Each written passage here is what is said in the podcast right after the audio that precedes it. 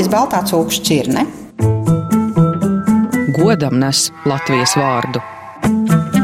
Jau pēc nosaukuma ir skaidrs, ka cūkas ir baltā krāsā. Tātad bez kaut kādiem plankumiem, bez kaut kādiem zīmējumiem, kā citās šķirnēs, to mēs varētu arī sastapt.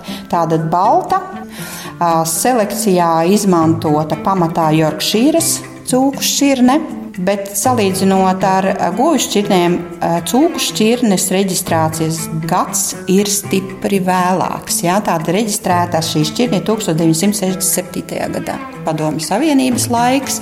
Protams, Savienības laikā pamatā tika audzētas Latvijas baltās cūkas, un pietiekoši lielā populācijā tika audzētas arī landrases cūkas. Latvijas baltā cūka tomēr ir īsāka un druknāka, dziļāka ķermenī. Jā, tā tad būtībā viņai ir citādāka eksterjera forma nekā landrases cūkām. bet Latvijas baltās šķirnes dzīvnieku skaits strauji saruka. Tātad šeit ir lielāks uh, muguras speķa biezums.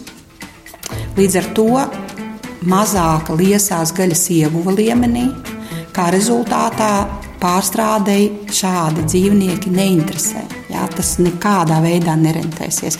Tad ir pilnīgi skaidrs, kāpēc šo dzīvnieku skaits ļoti strauji samazinājās. Un palika, protams, tie saimnieki, kas audzēja Latvijas balto cūku, tie ir tiešām entuziasti. Un es pat nespēju šodien atbildēt, cik vispār ir Latvijas baltās šķirnes cūku. Tāpēc, kad abas pēdējās šķirnes saimniecības vai saimniecības, kuras audzēja Latvijas baltās cūkas, atradās tātad šīs Āfrikas cūku mēras kartajā teritorijā. Līdz ar to pavairošana un vispārējās lietas ir krasi ierobežotas. Jā, tirdzniecība ir pilnīgi skaidrs, ka ir ierobežota.